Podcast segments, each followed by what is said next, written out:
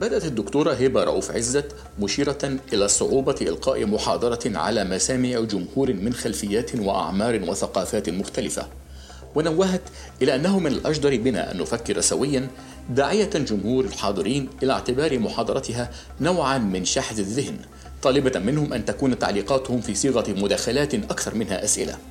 قدمت المحاضرة رؤية جديدة لمفاهيم القوة والعالم في عصر تحولات ما بعد الدولة القومية. وأعادت صياغة الأزمات الراهنة في سياق غاب عن أذهان الكثيرين.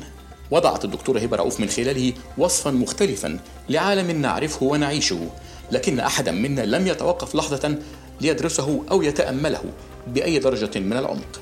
وقدمت إجابات لم تخلو من مرارة مشوبة بالسخرية ولكنها في الختام ذكرت الحضور بأن النظريات تميل إلى أن تكون مثالية وأن الواقع قد يكون مختلفا.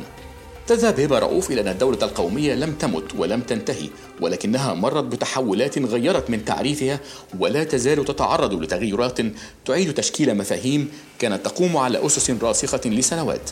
ولكنها أصبحت مهزوزة وأنه بعد التركيز على نظام عالمي يخضع لأبعاد اقتصادية واجتماعية وسياسية أصبح البعد العقائدي اليوم في الصدارة.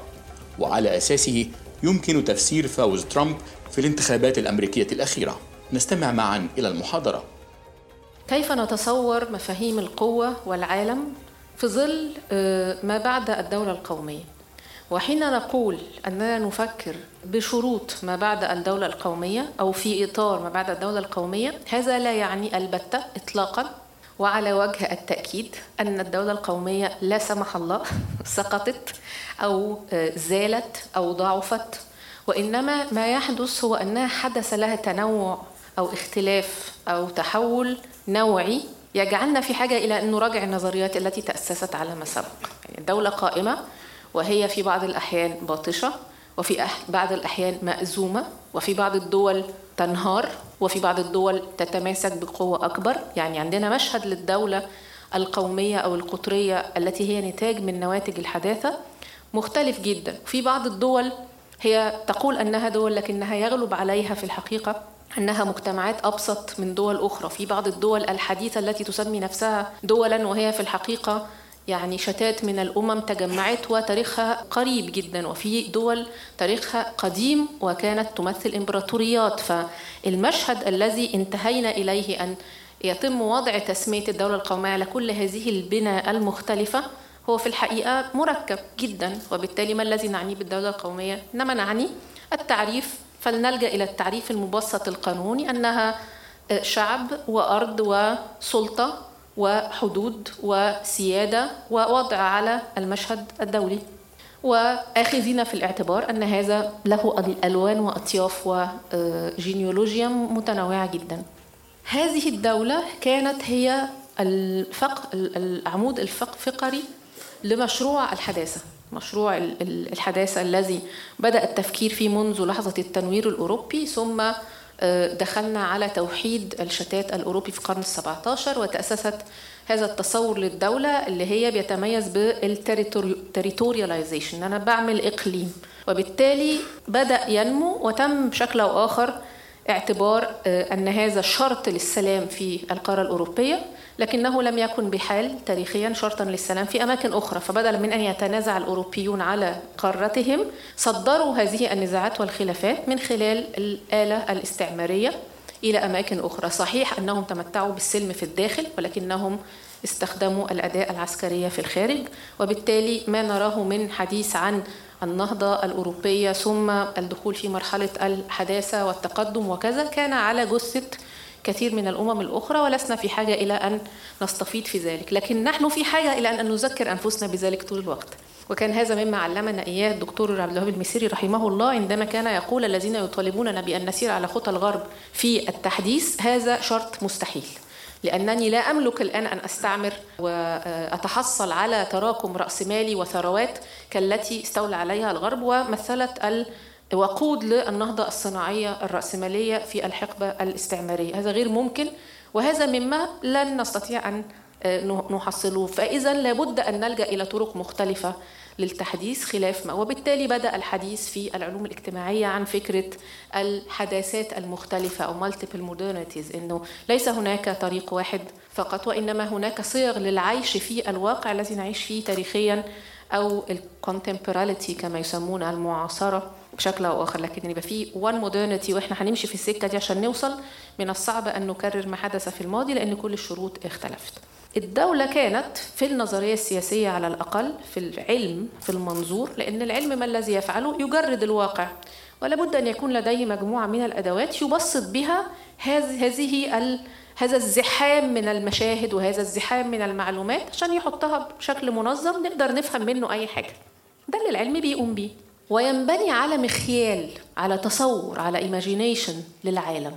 فالدولة القومية كوحدة تحليلية كوحدة كانت في بدايتها افتراضية imagined ثم تحولت إلى واقع جاءت التطورات الاجتماعية والاقتصادية والسياسية لتحولها فعلا إلى ما كان ينظر إليه كمأمول أو منشود في القرون السابقة واستقرت على آه، أرضها وعلى إقليمها بهذا الشكل. حكمت في العلوم الاجتماعية رؤية باحث العلوم السياسية واعتبرها هي الأساس وبالتالي يقسم المعمورة إلى دول والفاعلين إلى تحالفات لهذه الدول في الساحة الخارجية أو منظمات دولية يتم تمثيل هؤلاء الناس فيها. ونتحدث عن اختلالات في التمثيل مجلس الأمن مش مشكلة لكن في النهاية أنا عندي نوع من أنواع ال structure بشكل أو آخر. عندي entities وعندي تنوع في الفاعلين آه، لكن الدولة هي الفاعل الأساسي. هذا استمر فترة طويلة جدا في النظر إلى المشهد السياسي والداخلي والدولي. إلى أن بدأت تظهر بوادر لاختلافات في هذا الأمر وبدأ فاعلين سواء كانوا اقتصاديين أو فاعلين اجتماعيين تيارات المجتمع المدني العالمي والحركات بعضها سلمي بعضها ليس سلميا على الإطلاق. بدأت تظهر تيارات عنيفة بدأت في اليسار ثم انتقلت إلى من يتبنون رؤى دينية وهكذا. فابتدى يظهر لنا أن الأدوات التي استخدمناها لتبسيط الواقع لم تعد مفسرة. نحن نبسط الواقع لنفهمه كي نفسره كي نستطيع أن نتنبأ. عجزنا عن التنبؤ. حدثت أحداث جسام مختلفة. جعلت هذا ليس صالحا. ونقول الدولة مستقرة وموجودة ولكن السيادة نعيد تعريفها. الإقليم ننظر له مرة أخرى. فكرة الخرائطية فيها كلام كتير أهل الجغرافيا يعرفوه وأصبح أهل علم الجغرافيا ينافسون الآن. هناك كتب كثيرة في العلوم السياسية وفي مشهد العالم والعولمة. إذا قلبت الكتاب ونظرت آه، إلى أي آه، قسم ينتمي هذا الأستاذ ستفاجأ أنه قسم جغرافيا ويتحدث كلام سياسي بارع جدا لم تعد الجغرافيا هي مجرد مساحات وخرائط فقط وهكذا. لكن بشكل أو آخر فضلت إشكالية العلم إن هو عشان ينتج أدوات جديدة هتاخذ وقت طويل والواقع بتسارعه لا يسمح لك بأن تأخذ هذا الوقت. فأنت تلهث وتحدث آه، إشكاليات. علم السياسة والعلوم الاجتماعية حتى نفس الأزمة في علم الاجتماع يقال أنها آه، هذه العلوم تشكلت في نهاية القرن التسعة عشر آه، وبدأت تأخذ شكل المأسسة العلمية بمعنى الكليات والجامعات بالمعنى الحديث المعاصر.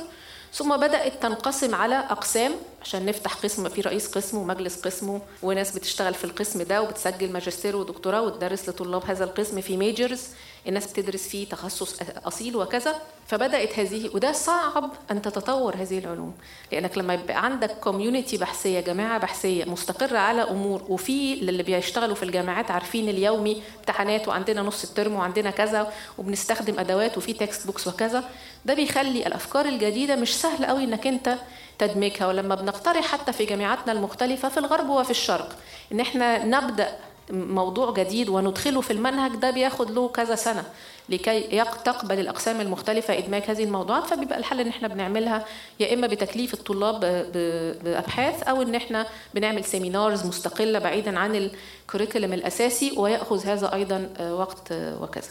الحرب العالمية الثانية استقرت فيها هذه العلوم وكانت بدرجة كبيرة مفسرة للمشهد الذي يجري واعتبرت يعني كافية لشرح العالم أو فهم المجتمع أو الإنسان أو كذا.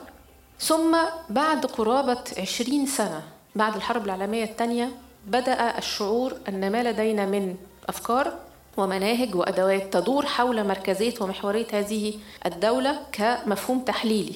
لأنه دايما بيحصل خلط أحيانا في المحاضرات العامة إنه نتحدث عن ما بعد الدولة آه ده أنتوا عايزين تهدوا. إحنا لا عايزين نهد ولا عايزين نعمل أي حاجة إحنا عايزين نفهم. فبنصك مفهوم يساعدنا على الف مقابل ما كان من تفرد الدولة بالمشهد الدولي والعالمي بقى عندي فاعلين. فبقول ما بعد الدولة القومية مش إنها خلصت هو ما بعد مرحلة مركزيتها ما بعد.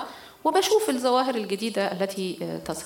الستينات بالتأكيد في المرحلة الأخيرة من الستينات عندما كان هناك فورة اجتماعية وثورة اجتماعية في الغرب بدأ النظر إلى هذه العلوم بشكل أكثر نقدية وتطور من قلب الأيديولوجيا الماركسية نسق من الأفكار النقدية التي تحاول دحض ما في العلم من المستقر المستقر والمتعارف عليه من الأفكار حتى أنها سميت في بعض الأوقات بالأساطير. يعني أساطير العلم كذا وأساطير علم كذا وكذا. أنا أزعم لأن الغرب هو الذي يؤرخ لهذا أيضا عندما نقرأ في الكتب فلا يؤرخون بتواريخنا ولا يؤرخون بما نفعله نحن. يؤرخ يقول لك 68 الثورة الطلابية السبعينات حدث كذا نهاية الثمانينات سقوط الاتحاد السوفيتي يعني هو تاريخه هو اللي بيحدد ما يشرح له لماذا تتحول خرائط العلم أيضا؟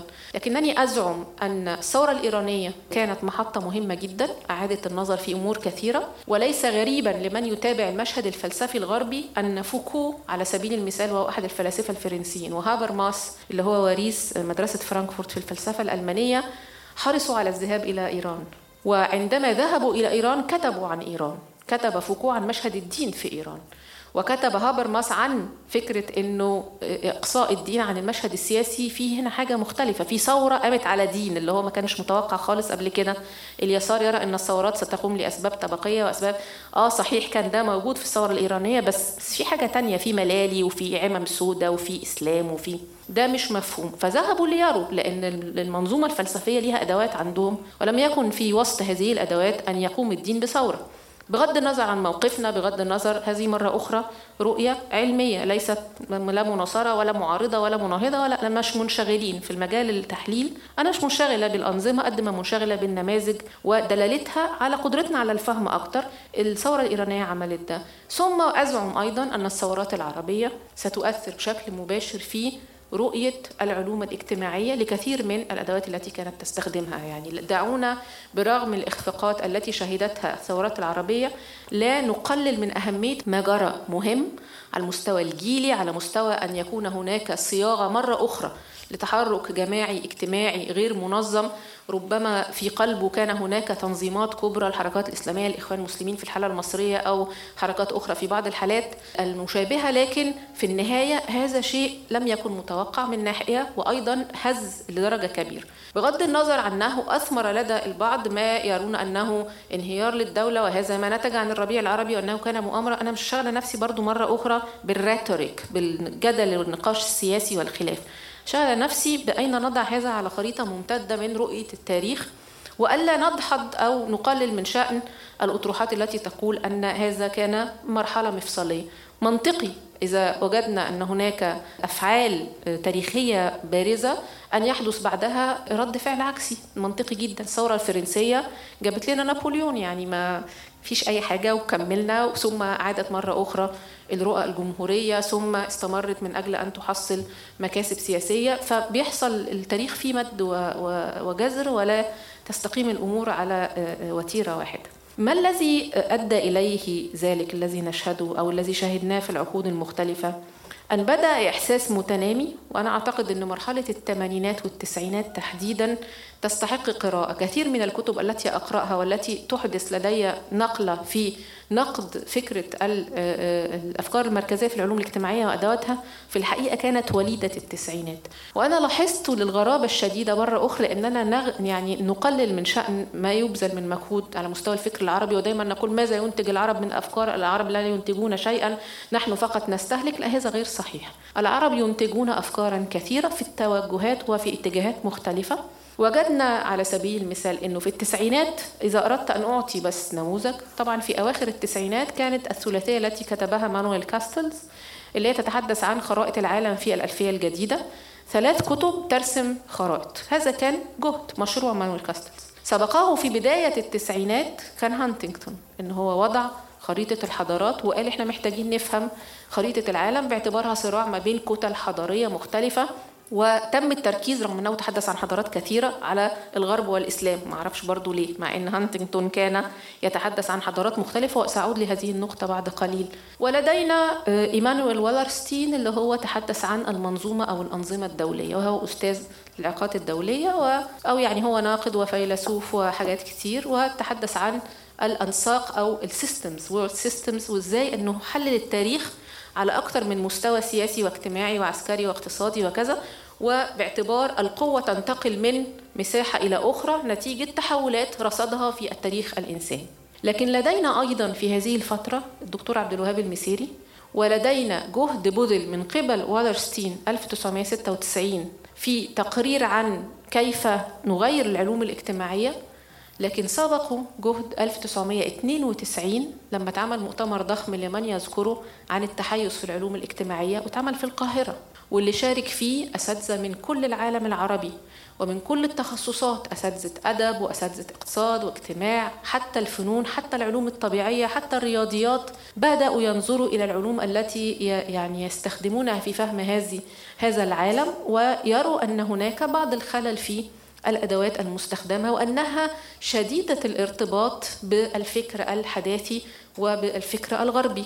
وليس هذا معناه العداء الضروري لها اطلاقا لكن إذا كان هناك ثمة نقص لماذا لا نكمل من منظور حضاري مختلف؟ وبدأ الحديث. سبقوا بالطبع في الثمانينات كلام عن إسلامية المعرفة لكن أنا أعتقد أنه نضج أكثر في التسعينات وربما نتفق أو نختلف مع المدرسة. وأنا ممن يرون أنها أدت وظيفة في وقت معين وأنها لابد هيك أيضا أن تتجدد وتجدد أدواتها.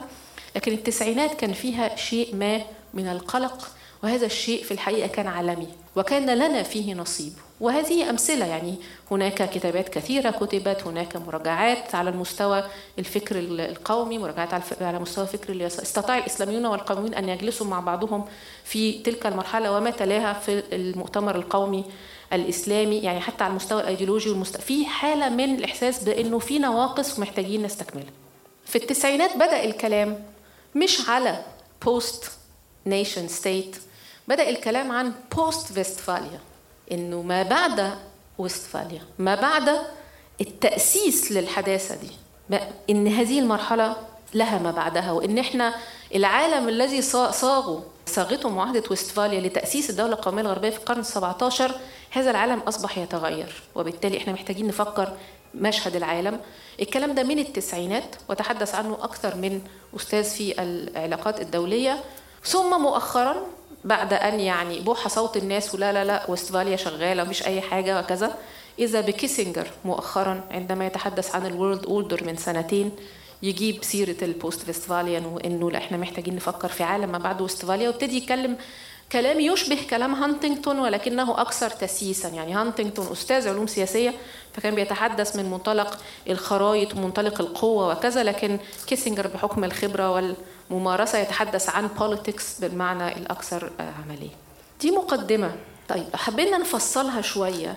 هي إيه الأسس اللي تأسس عليها رؤيتنا للعالم في ظل خيال أو مخيال الدولة القومية؟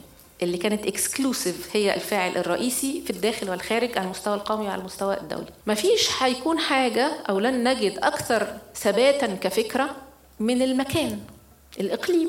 يعني ممكن نختلف على أنظمة الحكم ممكن نختلف على طبيعة الشعب ممكن نختلف على هو الشعب ده موحد ولا في إثنيات ولا عرقيات ولا أديان طب ندير الخلاف إزاي؟ فنختلف. لا لازم الناس تبقى تندرج تحت المواطنة. لا طب ما نعمل نظام تعددية ثقافية. طب ما نقبل اللغة الأمازيغية. طيب وضع الطوائف في المشرق. طيب المسيحيين في سوريا ولا يعني. لكن في النهاية ال concrete اللي هو الناس مش مختلفة عليه هو فكرة الأرض.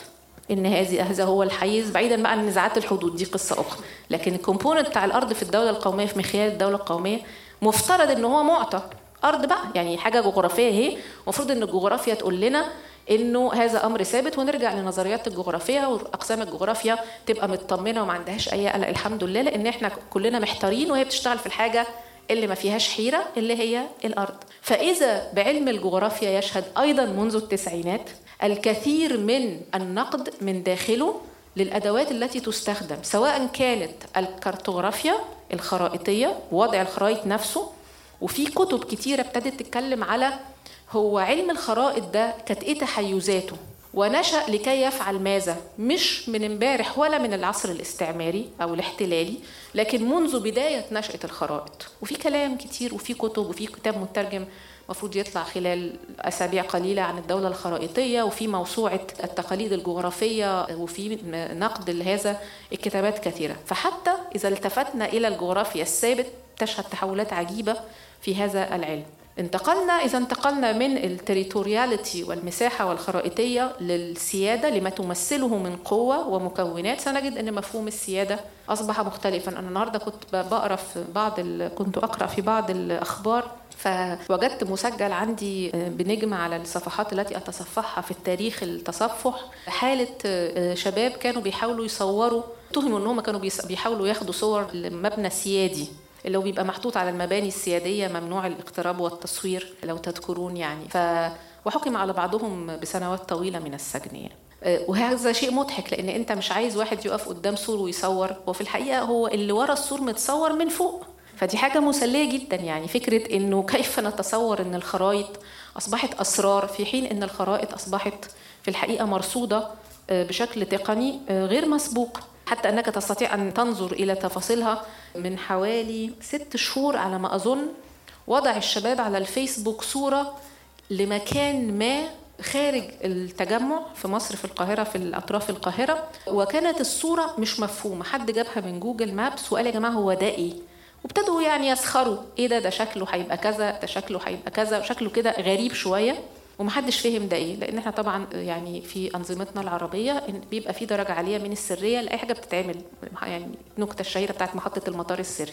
في مصر كان في نكتة زمان إنه الباص يعدي على مكان فالسواق يقول يا جماعة محطة المطار السري. هو مش سري بقى خلاص يعني ما ما بقاش سري يعني. فاكتشفنا في الحقيقة إن الصورة دي صورة مطار. لما أعلن من حوالي شهرين إنه تم إنشاء عدة مطارات صغيرة ولكنها ذات مستوى عالي دولي في بالقرب من 6 أكتوبر وبالقرب من التجمع لتخفف الضغط على مطار القاهرة. ده منشور. فيعني الظريف إنه اللي تساءل التساؤل ده جاب الصور الأول وهو بيبنى. وبعدين إحنا عرفنا الحمد لله الخبر لما تم افتتاح هذه المطارات هذه هذا الاستقرار بعد المادي المستقر في الحقيقة اصابوا الكثير من الحركة. هذه الأرض لم تعد أرض متروكة أو مطروقه وإنما أيضا أصبحت معبر لحركة واسعة. في ظل العولمة الكلمة المفتاحية لو عايزين نلخص ما يجري أمامنا ونعيش نحن حتى كأفراد ويؤثر علينا وعلى أسرنا والأسئلة الوجودية اللي كنت بتتكلمي عليها يا دانا موبيليتي فكرة الحركة فكرة التحرك المستمر. وما ينفعش نقول آه ده إحنا نعيش في عالم فيه حركة الحمد لله وشوف نسبة السفر وحركة الناس وانزل على أي مطار للي في سني في الخمسينات أو الستينات. يعني المطار ده كان يعني طلعت المطار دي حاجة يعني صعبة خالص. يعني دلوقتي الناس رايحة جاية وبيزي يعني ترافيك على المطارات وكذا. لكن السيولة دي في نفس الوقت ليست مجرد انتقال من مكان لآخر هي أيضا انتقال لجذور الإنسان من مساحة لأخرى. وصديق ليا اليوم عندما تقابلنا بقول له أولادك كام؟ قال لي عندي ثلاثة يحملوا ثلاث جنسيات واحد مولود في مصر واحد وأنا باخد الدكتوراه وأنا باخد الماجستير في أمريكا وواحد وأنا باخد الدكتوراه في كندا. فالأسرة فيها ثلاث أطفال كل طفل يحمل جنسيه مش الأب والأم مختلفين. طيب وهو دلوقتي مقيم في قطر ومرشح إن هو يقعد في قطر أو يعني ظروفه ترشحه للجلوس في قطر فترة فالأولاد هيبقوا ما بين التربية الكندية في الصغر ثم المرحلة القطرية في مرحله النمو يعني ثم في الغالب هيرجعوا يدرسوا فيه طيب ال identity هم ينتموا إلى أي مكان. وفكرة إنه مش مهم إحنا بننتمي للعروبة أو ننتمي للإسلام أو ننتمي للمسيحية أو ننتمي لأفكارنا أو يعني ده فكرة لطيفة بس في الآخر الإنسان محتاج جذور يضرب بها في الأرض. لا مش محتاج. طيب اكتشفنا في الحقيقة علماء النفس بيقولوا إنه محتاج.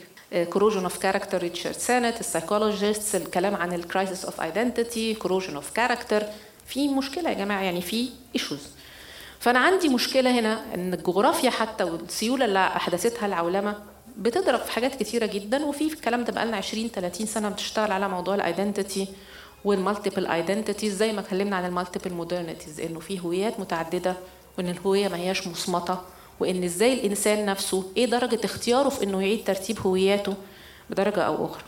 بس ده كمان بيطرح سؤال تاني هو سؤال التمدن. إنه ما هو الذي يجعلك شخصا متمدنا؟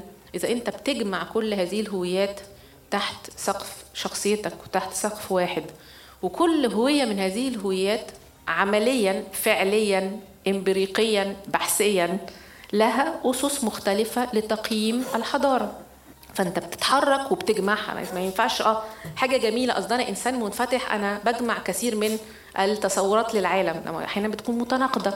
وأحيانا بتؤدي إلى خيارات متعارضة فتكتشف إن الشخص ده سلوكه غير مفهوم لأنه أنا كشخص بيتعامل معاه مش قادره أتوقع يا ترى هو هيطلع فيه العرق الصعيدي ولا هو الشخص الكندي الكيوت اللي أنا جوزته مثلا ولا هو والدته لأنها كانت روسية فالعرق بقى السلافي هو اللي في الآخر هيغلب يعني مش فاهم يعني what to expect وال expectation دي كلمة مهمة جدا في العلاقة الإنسانية لأنه أنا في النهاية إحنا مش بنسأل بعض كل يوم الصبح هنعمل إيه. أنا المفروض إن أنا بتوقع من الجيران ومن الناس اللي إحنا بنختلط بيهم ومن الأصدقاء ومن الناس اللي في العمل سلوك ما بالشكل ده يعني مش متوقع إنه يعمل كذا.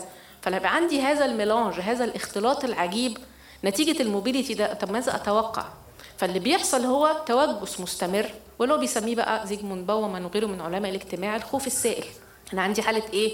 أنا مش متوقع حاجة. أنا بقى قاعد كده مستني ببص. فالمسافة دي بتخلق عدم الثقة وده كلام قاله فوكوياما ليه كتاب أهم من كتاب نهاية التاريخ وكتاب الثقة. إحنا في ظل هذا الوضع مش عارفين نبني روابط للثقة ولا نفهم العالم بشكل جيد شيء مزعج.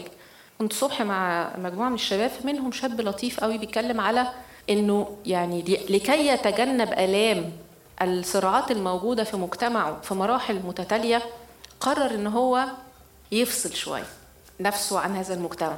وظن أنه سيكون مرتاح. إحنا كلنا بنعمل ده على فكرة بدرجه أو أخرى يعني. الميكانيزمات الدفاع عن النفس النفسية نعمل مسافة كده.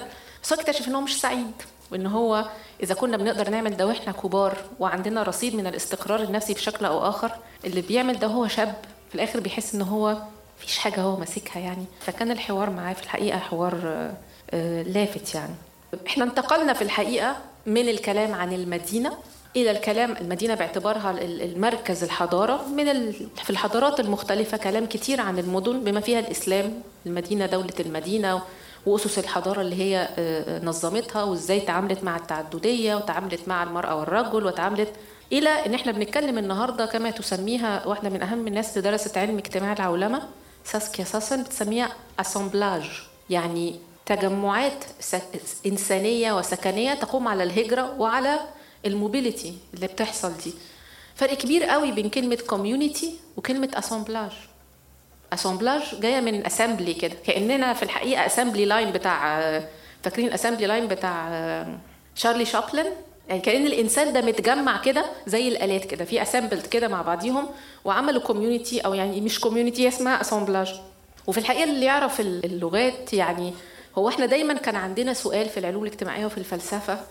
إزاي ننتقل من الوجود للتواجد؟ يعني الكلام اللي في الفلسفة الألمانية عن ال Sein يعني being وعن being for و being with اللي هي الانتقال في اللفظ الألماني من ال Sein من ال being لل Zusammensein إن إحنا نبقى مع بعض.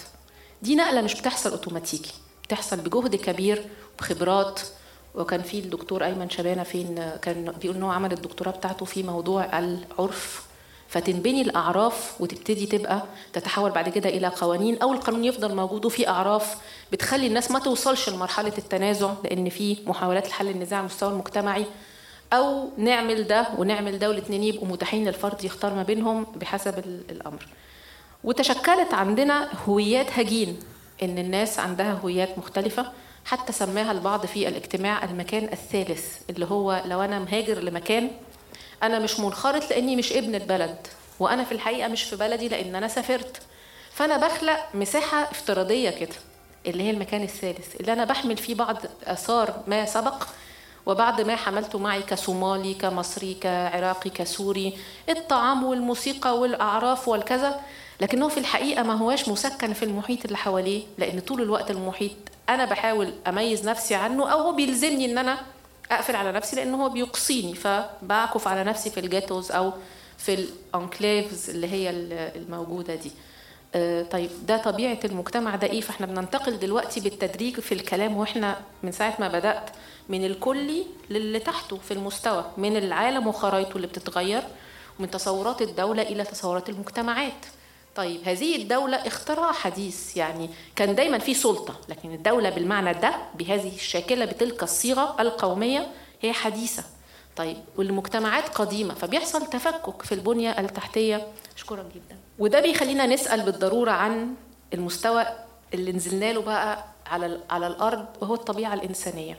وعندي هنا إشكال مش متعلق بالتنظير وده لاحظه في الحقيقة آه، باحث فرنس باحث إيطالي اسمه فيريليو. ليه كتاب لطيف قوي اسمه The Information Bomb مش The Network Society مش الكلام بتاع كاستلز عن ال network society ومجتمع الشبكات وال virtual reality لا ولا نظم التشبيك ونشأة الشبكات مقابل الحركات. لا هو فيريليو بيتكلم على The Information Bomb وبيقول إنه في الحقيقة لو إحنا لاحظنا إن نشأة هذه المعلوماتية كانت في الحقيقة لأهداف عسكرية. الإنترنت أصلا نشأ كأداة عسكرية. فبصمة النشأة هي تتضمن القدرة على النفاذية والسيطرة أصلا. ثم بيفكرنا بده حد زي باومان لما بيكتب عن الرقابة السائلة إنه النهارده أنت كل الأدوات اللي بتستخدمها أنا عندي في شنطتي أربع موبايلات. موبايل قطري يعني شريحة يعني قطرية وشريحة مصرية وشريحة إنجليزية وشريحة لآخر دولة أنا زرتها قبل ما أجي على قطر. كل شريحة داخلة في system رقابة معين وأنا داخلة على المطار الراجل فيه لوحة كده أنا أول مرة أشوفها وبيطلع وبينزل فيها الكاميرا. أكيد كلكم دخلتوا قطر مؤخرا في التأشيرة وكذا في في الجوازات يعني. آه، فهو في الغالب بيصورني واحيانا بيصوروا بصمة العين. آه، أي موقع بدخل عليه بيطلب مني معلومات وبيفضل تطلع لك شبابيك فأنت بتزهق فبتقول okay okay okay. خلاص؟ قريت شروط ال privacy آه يلا okay. يعني عشان بس إيه؟ التالي وننقل. يعني أنت مش قاري أي حاجة. أنت تعرفش أي حاجة. وتكتشف إنه وده لاحظوه الشباب وكانوا كاتبين عليه مؤخرا الفيسبوك أنت قابلت حد أو قعدت في مكان فتكتشف إن الفيسبوك بيعمل لك suggestion بعدها بيومين آه إنه suggested friends اللي هم أو أو suggested places to visit أو أي يعني اللي هو أو promotion على السياحة في مكان مرتبط بالمكان ده. ففي networks وفي exchange of information وإنت في الآخر يا إما تفضل قاعد متصور إنك متراقب طول الوقت يا إما في الآخر هترسى عشان تعرف تعيش إنك إنت هتقول متراقب متراقب وأنا عندي إيه يعني بخبيها شفافية يا فندم ما عنديش حاجة أخبيها. بس هو في الحقيقة كل الشفافية دي تتحول إلى data وال data بتتحول إلى أدوات لقياس السلوك وتوقعه what to expect منك لو حصل كذا أو حصل كذا. كمستهلك وأيضا كفرد وكخاضع للسلطة وكمواطن وكشخص موضع الرقابة المستمرة. ونقدر نجيب ملفك من الفيسبوك في كل حاجة زي بالظبط الرقم القومي. يعني لما بدأنا في مصر الرقم القومي إحنا حاجة لطيفة يبقى عندي آه، رقم قومي وحتى البطاقة بيقول لك هنحط فيها شريحة تقدر تسحب بيها من البنك وتقدر تاخد بيها بنزين وتقدر تاخد بيها الدعم وتقدر. فالناس قالت لك ده مجرد تسهيلات إجرائية يعني. لو في الحقيقة حضرتك بقيت بدوسة زرار كل معلومات سعادتك على الشاشة. فأين موضوع ال privacy في هذا؟ ده جزء. الجزء الآخر إن العلوم اللي اتكلمنا عنها في البداية قسمت الإنسان. ففي حاجة اسمها homo politicus الإنسان السياسي ده هنعمل له دراسات. في حاجة اسمها homo juridicus الإنسان القانوني ده هنعمل له دراسات. وكل علم من العلوم بيبص للإنسان بصورة أو مخيال مختلف. يعني الإنسان القانوني بينظر له باعتباره آه، آه، أملس الوجه آه، أنا ماليش دعوة كنظام قانوني أنت مين؟ وليس هناك في الاعتبار أي شيء متعلق بالثقافة أو بالخصوصية أو بالظرف أو بالسن أو باللون أو بالجنس أو بأي شيء.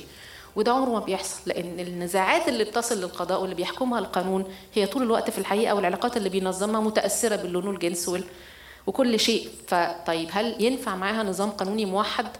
لو قلت كده الناس على طول هتبتدي تطلع قرون الاستشعار وتقول لك يعني أنتوا عايزين إيه؟ أنظمة قانونية مختلفة؟ ده ده يهد الدولة. عايزين إيه عرف؟ لا مش عايزين أعراف. إحنا عايزين قانون ومواطنة. طب عايزين إيه؟ طب ما هو كل ده ممكن يبقى موجود على فكرة. لأن المجتمع الذي تعيش فيه في الحقيقة فيه مستويات مختلفة من الروابط الاجتماعية وهذه المستويات بدلا من أن يقصي بعضها البعض لصالح بعضها في الحقيقة من الممكن التفكير في منظومة أكثر تعقيدا تستوعبها وتوظفها بما لا يسمح بأن الفرد يظلم ولا أن الجماعة تتفكك. إيه المشكلة يعني؟ ومن هنا منطق ال complexity ال complexity وال fuzzy logic وكل هذه المصطلحات الجديدة في في الحديث عن كيف نفهم ظواهر المجتمع واللي بقى يستخدم فيها ال computing وكذا. وال fuzzy logic الكلام عنه من نهاية التسعينات أيضا. في نفس اللحظة العلماء لقوا إن هم لما بيجمعوا data مش عارفين يحللوها وفكرة الصفر والواحد دي إذا طبقناها في ال logic في المنطق هو في الحقيقة بين الصفر والواحد حاجات كتيرة جدا. في بينها يعني آه، نسب مختلفة ومتوزعة مما هو دون الواحد وتأخذ أشكال. ولو فرشناها على خرائط وحاولنا نبص لعلاقة المتغيرات ببعض ممكن تطلع لي سيناريوهات توقع لصنع القرار أو لل futuristic approach لل futuristic expectation توقعات المستقبل. فالمسألة ما هياش صفر وواحد وما هياش. وده بقى كلمة مهمة جدا وكان يمكن أن أبدأ بها المحاضرة لكن أنا فضلت أن أنا أحطها في الأواخر يعني. هي ال order and disorder زيجموند باومان ليه كتاب لطيف بيقول فيه نحن تصورنا العالم في الحداثة من منطلق أنه يدور بين النظام والفوضى بس الصفر والواحد. في حين أن العالم يتميز بما أسماه هو ambivalence غموض اللي اتسمى بعد كده ambiguity اللي اتعمل عشانه ال fuzzy logic ومحاولة وضع المتغيرات المختلفة في الحاسوب وفي ال computing عشان أقدر أطلع لك لما تديني data أكتر من صورة للمشهد ده مش صورة واحدة. وبالتالي أكتر من سيناريو للمشهد ده ممكن يتطور إزاي. ويمكن ساعتها نقدر إن إحنا نتنبأ. ولو تنبأنا بالسيناريوهات ربما تصل عددها إلى عدد كبير جدا. يمكن نقدر برضو نحط مع كل سيناريو potential solutions أو potential management of crisis. ممكن مش هنوصل لل solution لأنه برضو بيفكرنا علماء اجتماع آخرين. لما بصوا للمشهد بتاع واحد واحد ساوي اتنين وكل حاجة هتبقى خط ما بين نقطتين إن إحنا في الحقيقة افترضنا إن الديمقراطية بتدير الأنظمة من أجل الوصول إلى اتفاق. وكل ال critical democratic theory بتقول إن ده مش حقيقي. الديمقراطية في الحقيقة هدفها إدارة الخلاف لكن إحنا مش هنوصل لإجماع ومش هنوصل لل consensus ده ابدا وما وصلنالوش. بدليل إن هذه الأنظمة تتغير طول الوقت وبيحصل لها ال fluxes بتاعه إنها تذهب إلى اليمين ثم يذهب الناخب فينتخب اليسار ثم يعود وينتخب اليمين. يبقى فيه واضح إن المسألة ما هياش بس آه، آه، سهل predict one scenario ولو كنا فهمنا ده واستخدمناه والعلماء عادة لا يدعوا إلى التحليل لأن إحنا عندنا كتيبة من الخبراء الاستراتيجيين تظهر على الفضائيات مش محتاجين كلام مش مفهوم. إحنا محتاجين حد يقولها لنا كده بالبلدي هيحصل كذا. فكان ممكن جدا التنبؤ بإن ترامب يكسب الانتخابات.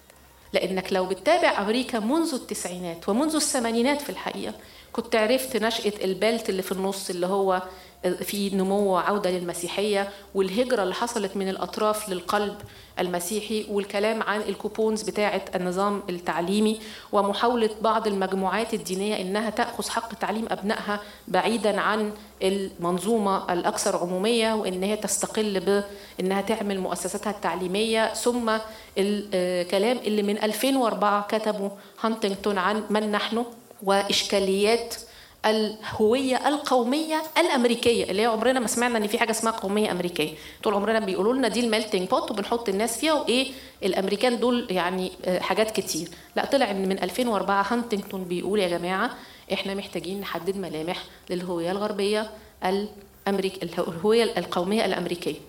interestingly في 2003 نفس السؤال كان مطروح في فرنسا في حاجة اسمها ستاسي commission اللي حددوا فيها هيقبلوا بالحجاب في المدارس ولا مش هيقبلوا بالحجاب في المدارس. ده كان في فرنسا 2003 وكان السؤال المطروح على هذه اللجنة لجنة ستاسي هو في الحقيقة يعني إيه علمانية فرنسية ويعني إيه هوية فرنسية؟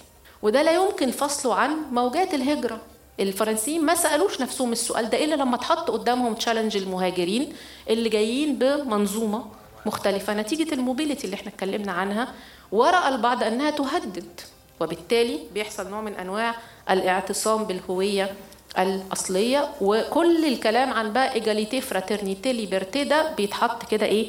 في تعريفات محددة ولا تتناقض مع ما يروى أنه في مرشح اليمين للانتخابات الفرنسية مش عارفة شفته إذا كان حد فيكم اهتم بيتابع آه، صرح مؤخرا إن هو عنده مهمة إذا تولى الرئاسة إن هو يقلص تماما من يعني هو ترامب ترامب فرنسي يعني يقلص من الهجرة وان هو يراجع الملفات وإن هو مش بيتكلم على الإسلام الراديكالي لا هو بيتكلم تحديدا وده في في الفيديو بيتكلم تحديدا على الوهابية وعلى الإخوان المسلمين يعني مش بيقول التطرف ولا داعش لا ده هو عمال بقى بيخصص العداوات على آه، يعني فاعلين محددين آه، بعينهم. وشفنا مع آه، المشهد بتاع هجرة السوريين في يعني موجات الهجرة لقينا إنه المجر وبولندا أعلنوا رغم الاتحاد الأوروبي حط قواعد وقال إنه لازم كل دول الاتحاد الأوروبي بشكل أو آخر تستقبل مهاجرين. وجدنا إنه بولندا والمجر أعلنوا إنهم لن يقبلوا مسلمين. علنا. ترامب بيتكلم على البروفايلنج والتسجيل للمسلمين. الانتخابات الفرنسية أحد الكروت فيها تقييد وضع المسلمين. يعني هو في إيه؟ اللي موجود ده في الحقيقة يعني إن إحنا بعد ما كنا بنتكلم عن نظام عالمي الأبعاد الاقتصادية والاجتماعية والسياسية فقط هي الحاكمة فيه. النهارده أنا بتكلم عن أبعاد عقيدية واضحة لا مفترضة ولا نظرية مؤامرة ولا شيء. أنا عندي كمية من التصريحات والسياسات policies بتقول لي إنه في rising racism وفي rising hostility بتحصل تجاه مجموعة من الناس وبتبدأ تمد بقى تعريفها لهم. بعد ما كان الإرهابيين والقاعدة بدأنا نخش على جماعات بدأنا نخش على دول بدأنا نخش على طيارات بدأ ممكن الناس تبقى مبسوطة من ده تقول لك يلا خلينا نخلص منهم كلهم. مش دي قصة برضه. القصة إنه this is a change. في عندي هنا حاجات بتتغير لازم أبص عليها. حاجة أيضا من الحاجات المرتبطة بالطبيعة الإنسانية اللي إحنا شاهدنا فيها تغيرات هو طبيعة الإنسان أصلا. تكنولوجي on one hand اللي إحنا بنستخدمها وبالتالي تعاملنا مع الآلة. أنا لما بدأت آه، آه، خدت الدكتوراه 2009 فأنا تخصصي نظرية وفكر فوجدت مادة في اللائحة عندنا في الكلية مهملة لم تدرس من قبل اسمها سياسات علم وتكنولوجيا.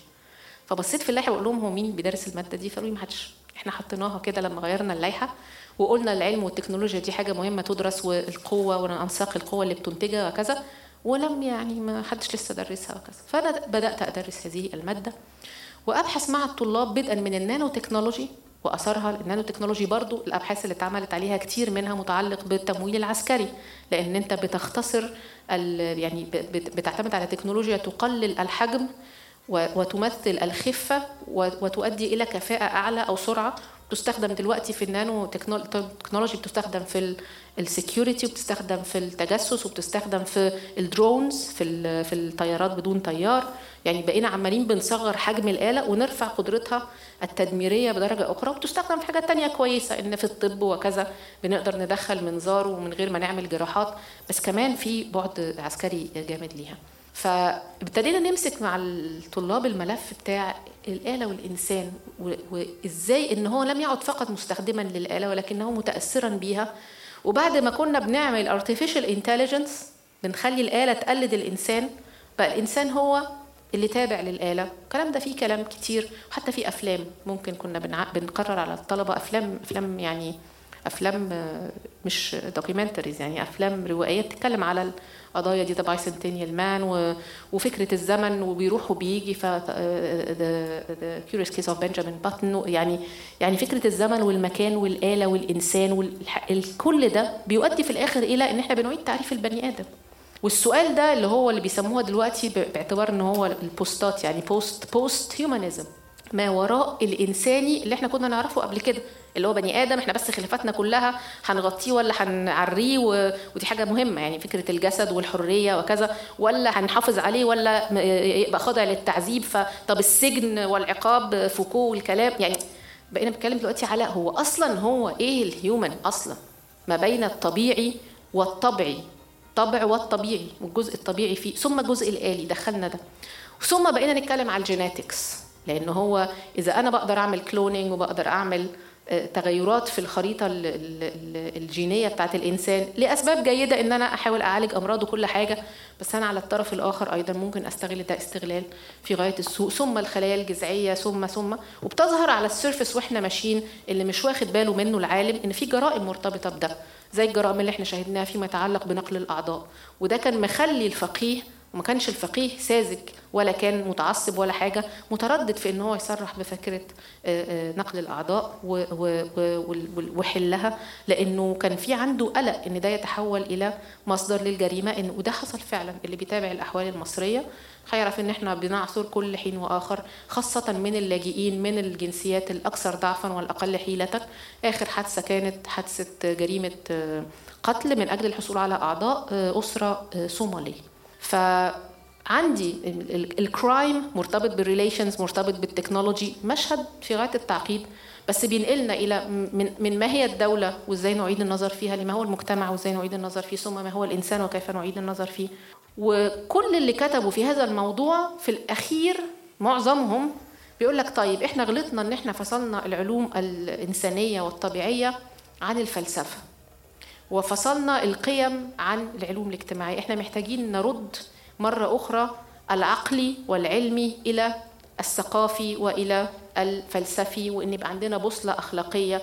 لكن هي بوصلة أخلاقية معظمهم بيتكلموا عنها وصولا إلى new metaphysics ميتافيزيقا جديدة تحت سقف المنظومة المادية في النهاية. بتروح وتيجي تتراوح تطلع تنزل لكن هو مفيش introduction لتصور مختلف. وأنا أعتقد هنا يأتي دور الحضارة العربية والحضارة الإسلامية إنه لا أنا عندي vision مختلفة وإن أنا محتاج أنتقل بيها من المدارسة للممارسة كما يقول الدكتور بلفقيه وده أستاذ جغرافي مغربي لكنه كتب كتابا نفيسا في العلوم الاجتماعية ومشكلة القيم وتأصيل الصلة ما بينهما وإن مفروض زي ما الوصف القرآني دينا قيما أو دينا قيما إنه كمان في علوم اجتماعية قيمة إن هي مفروض نظريا هي اللي توجه الناس وتقول لهم إنه خلوا بالكم ده الخير وده الشر وده مش بالمعنى الأخلاقي بس لكن بالمعنى الفطري يعني أن أن السير في هذا الاتجاه سيؤدي إلى تفكك المنظومة الإنسانية وأن السير في هذه الخيارات سيؤدي إلى حيرة في هذه الأسئلة فاحذروا.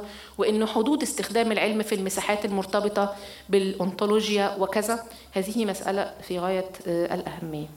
لما بدأنا في العلوم الاجتماعية وفلسفتها والنظر إلى فكرة العقد الاجتماعي وكيف نشأت الدولة الحديثة وتقدم لنا نظريات هوبز ولوك وروسو كانوا يتحدثون عن الحالة الطبيعية ويتحدثون عن الانتقال إلى المجتمع المدني أو المجتمع المتمدن. وفي الحقيقة حصل جدل كتير في العالم العربي على فكرة الدولة المدنية إن إحنا مش عايزين دولة دينية إحنا عايزين دولة مدنية. وفي الحقيقة آه، لما نرجع لروسو نجد أنه ما كانش بيقول دولة مدنية كان بيقول état civil. état civil مش مقصود بها الدولة المدنية état civil مقصود بها الحالة المدنية. l'état بمعنى الحالة مش بمعنى الدولة. وبالتالي إحنا النهارده محتاجين نسأل سؤال l'état civil. هو إيه طبيعة التمدن اللي إحنا عايزينه في عالمنا العربي والإسلامي وعايزين نقدمه للعالم أيضا؟ أنا كلما ذهبت إلى مدينة عربية أو إسلامية وأنا وأنا جاية عديت على إسطنبول. إسطنبول حركه الإنشاءات والعقارات فيها مذهلة مذهلة لدرجة إنها مخيفة.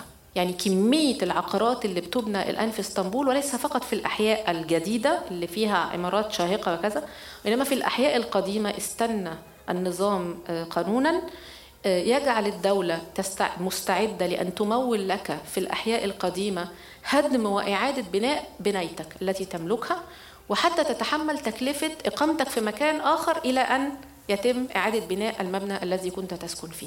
هذا يغير وجه المدن. ويغير وجه طبيعة العلاقات والتمدن بين الناس. ما شفتش عمارة ضخمة آه، يعني تريد أن تشق السماء إلا وكان دايما سؤالي من زمان هو علاقة الناس جوه هذا المبنى هتكون شكلها عامل إزاي؟ لأن المباني والأحجار تحدد علاقات الناس عدد الناس اللي ساكنة في نفس الدور صلة الجيرة القدرة على الإدارة بناء يعني اللي, اللي جايين من مصر يعرفوا إن كان عندنا حاجة اسمها اتحاد ملاك لما بدأت الانتقال من نظام الإيجار اللي كان موجود في الستينات والسبعينات وما قبلها إلى نظام التمليك فصعوبة إنك تعمل اتحاد ملاك وإن الناس تعرف تلم الزبالة وإن الناس تعرف تتفق على إصلاح الأسانسير أول أربع أدوار ما بيدفعوش حاجة لما الأسانسير ما بيشتغلش لأن أقول لك أنا هطلع السلم. ما فيش حاجة اسمها كده. حضرتك لازم تدفع لأن حضرتك اللي بتدفعه بيتحط في البوت اللي بندفع فيه التصليح للي ساكن في الدور ال 12 مفيش حاجة اسمها أنا مش دافع عشان أنا ساكن في الأول يعني مش حاجة اسمها كده. فتكتشف إن منطق العيش الجمعي تآكل والتفكير بصيغة الجمع تآكل. فإذا كان تآكل على مستوى البناية والطابق والشقة والحي والجيرة فكيف يمكن أن نبني تصور للترابط الاجتماعي على المستوى العالمي؟ ودخلت سوسيولوجيا العولمة فيما آه، نعمل عليه من آه، قضايا. أنا أعتقد أنه آه، عودا يعني عود على بدء النظام والفوضى بينهما مستويات مختلفة. ونحتاج أن ننظر أيضا إلى التاريخ والمستقبل والحاضر وأن نعيد النظر في تلك المساحات. مفاهيم القوة بناء على ذلك مقوماتها بتختلف وبتختل. إذا ما قدرناش نعمل تصور يجمع هذه التركيبات المختلفة في منظومة يعني تسمح بحياة آدمية. لأننا ما عرفناش نعمل ده ولأنه زي ما ذكرت الأزمة ممتدة في العلوم الاجتماعية من التسعينات فالذي آلت إليه الأمور أن إحنا نشهد حرب ممتدة على امتداد الخريطة. الذي يحدث في سوريا ليس أزمة وليس صراعا. الذي يحدث في سوريا حرب. فالذين يقولون إيه ده وإحنا دخلنا على الحرب العالمية الثالثة ولا إيه؟ لأ حضرتك دي كانت المحطة اللي فاتت. إحنا في قلب الصراع دلوقتي وهذه هي الحرب. السؤال لماذا لا تسمى كذلك؟ ولماذا لا تتحرك أدوات المنظومة الدولية القديمة من أجل أن تتعامل معها باعتبارها حرب وباعتبار إن يجب أن يفرض فيها بعض من القواعد المتعلقة بقواعد الحرب؟ الأمور مرتبكة وملتبسة وكثرة الأطراف ضيعت. والخناقات اللي ما بين الناس اللي داخلة تضرب في سوريا آه، الاتحاد الأوروبي تاره وتصفية الحسابات في سوريا لأوكرانيا ولغيرها وبولندا اللي خايفة لأن فبتقبل إن الناتو يحط عندها صواريخ فتقوم روسيا تقول أنا هحرك ترسانة صواريخ عندي لسوريا فتبقى قادره إنها تصل إلى إنجلترا. يعني اللي إحنا بنشوفه ده هو في الحقيقة حرب. لكن لأن كل ما تعلمناه كان مفاهيم تنطبق على طبيعة علاقات مختلفة إحنا مش قادرين نعمل stretching لهذه المفاهيم. واحيانا ما ينفعش نعمل لها stretching إحنا محتاجين في الحقيقة to coin new terms and concept إن إحنا نوصف الواقع ده بمفاهيم مختلفة تقدر تساعدنا على الفهم. حاول البعض وقالوا post nation state والناس مش فاهمة قوي ده معناه إيه وبتقول ما هي ال nation state عايشة. الأمثلة كثيرة على ذلك. هذا العالم أنت تعيش فيه كشخص كفرد اسمك كذا واسمك كذا لتحاول أن تفك شفرته ثم تأخذ قرارات مصيرية في حياتك بناء على هذا. في ناس بتسألني تقترحي نعيش فين؟ لأنه المنطقة دي كلها على بعضها ما بقتش آمنة. فأنا اتسألت امبارح ليترالي امبارح من من شاب لطيف قوي بيقول لي لقيته كده بيقول لي إيه؟ دكتورة. قلت له أيوه يا إسلام. قال لي البرازيل ولا نيوزيلندا؟ أستراليا؟ طب طب البرازيل طب أمريكا اللاتينية؟ طيب يعني هو ابتدى كمان يحس إن ولا أوروبا ولا أمريكا وأنا هروح بقى في الإيه؟ في الأطراف لحد ما الناس تخلص الخناقة اللطيفة بتاعتها دي. فدي خيارات إنسانية في الحقيقة. الكلام ده بالنسبة لها مش كلام نظري. الكلام ده متحقق في خيارات هي عايزة تختارها النهارده. تتحرك فين في هذا العالم؟ وكأنه يتحرك في 3 متر في 3 متر. بيقول لي نيوزيلندا ولا البرازيل؟ يعني يعني هو بينظر للعالم الان بقى مفروشة الخريطة قدامه ما بقتش مصر ولا السعودية. لا المسألة ما بقتش كده. فعلا هو متابع مشهد الدو... ال... ال... ال... العلاقات الدولية لأنه في الحقيقة بيحدد له قراره هو هيتجوز فين. يعني سيريسلي ده حقيقي. وده مشكل. وده بيخلي علينا إحنا مسؤولية كبيرة قوي في العلوم الاجتماعية إن إحنا نطور أدواتنا وإن إحنا كمان نشرح للناس هم عايشين في إيه لأن في ناس كتيرة مش فاهمة ال mobility دي أثرت عليها إزاي ولا الانتقالات ولا الثقافة ولا الميديا ولا ال technology ولا وبتستغرب لما ناس تلجأ إلى حلول زي إنها تبقى نباتية ولا إنها تبقى مختلفة في ايديولوجيتها عن هذا العالم الذي يموج بالصراعات فتذهب إلى تصورات أكثر روحانية أو كذا. لأنه الإجابات على هذا المشهد هتكون في الحقيقة وجودية. كل إنسان هيختار لنفسه الطريقة التي يظن انه أنه سينجو بها حتى وإن هلك العالم بشكل أو آخر يعني. ودي مشكلة في الحقيقة لينا لو بنفكر في مستقبل الثقافة العربية ومستقبل الواقع العربي. لا بد لأي متابع لحديث الدكتورة هبة أن يلاحظ على الفور أنها ترتجل. ومن المدهش أنها ظلت ترتجل نحو ساعة من الزمن بدون توقف وبدون أن ينقطع حبل أفكارها وتسلسل عرضها لمحاور الحديث الذي بدأ بخلفية تاريخية عن الدولة القومية من منظور عالمي واسع ثم أخذ في الاقتراب تدريجيا من عالمنا ومن زمننا الراهن. حتى شعر كل واحد من الحضور بأنها تخاطب مشكلاته وأزماته ومخاوفها. وهو ما ظهر بوضوح في الأسئلة والتعليقات التي كانت فردية في معظمها وإن ظلت تعبر عن مخاوف وهواجس جماعية. فكل مداخلة أخفت وراءها قلقا وهما عاما يشغل السائل. من أكثر ما يبهر في حديث هبة رؤوف عزت إضافة إلى طلاقة الحديث وانسيابه ملكة التبسيط في العرض والاقتراب من عقل المستمع وقلبه ليشعر أنها أحد أفراد أسرته المقربين. تقدم له المشورة والرأي أكثر من كونها أستاذة علوم سياسية تلقي محاضرة في شأن عام. في الختام أشارت الدكتورة هبة إلى أن ما يمر به العالم العربي من ظروف راهنة بعد الانتفاضات الشعبية قد سبقتنا إليه دول أخرى. وخرجت من هذه التجارب المؤلمة لتضع أقدامها على المسار الصحيح. وفيما يلي آراء بعض من الحضور. في الحقيقة المحاضرة تقدم إعادة تصور ومراجعة لمفهوم الدولة المدنية ويجعل المستمع يناقش بعض أهم هذه الأسس التي استسلم لمفاهيمها. لحد كبير. بالنسبة للمحاضرة محاضرة موسوعية بامتياز جمعت بين العلوم السياسية والعلوم الاجتماعية وفيها لمحات كثيرة عن العلوم الطبيعية أيضا. هي تهدف بالأول وبالأخير إلى بناء ثقافة اجتماعية سياسية ولا بد لكل دارس وباحث وأكاديمي أن يهتم بهذا النوع من الدراسات. المحاضرة طبعا بتتكلم عن فلسفة الوضع الحالي وإيه المخرج اللي منه. لكن في يعني وضعت واجبات كثيرة على الحاضرين.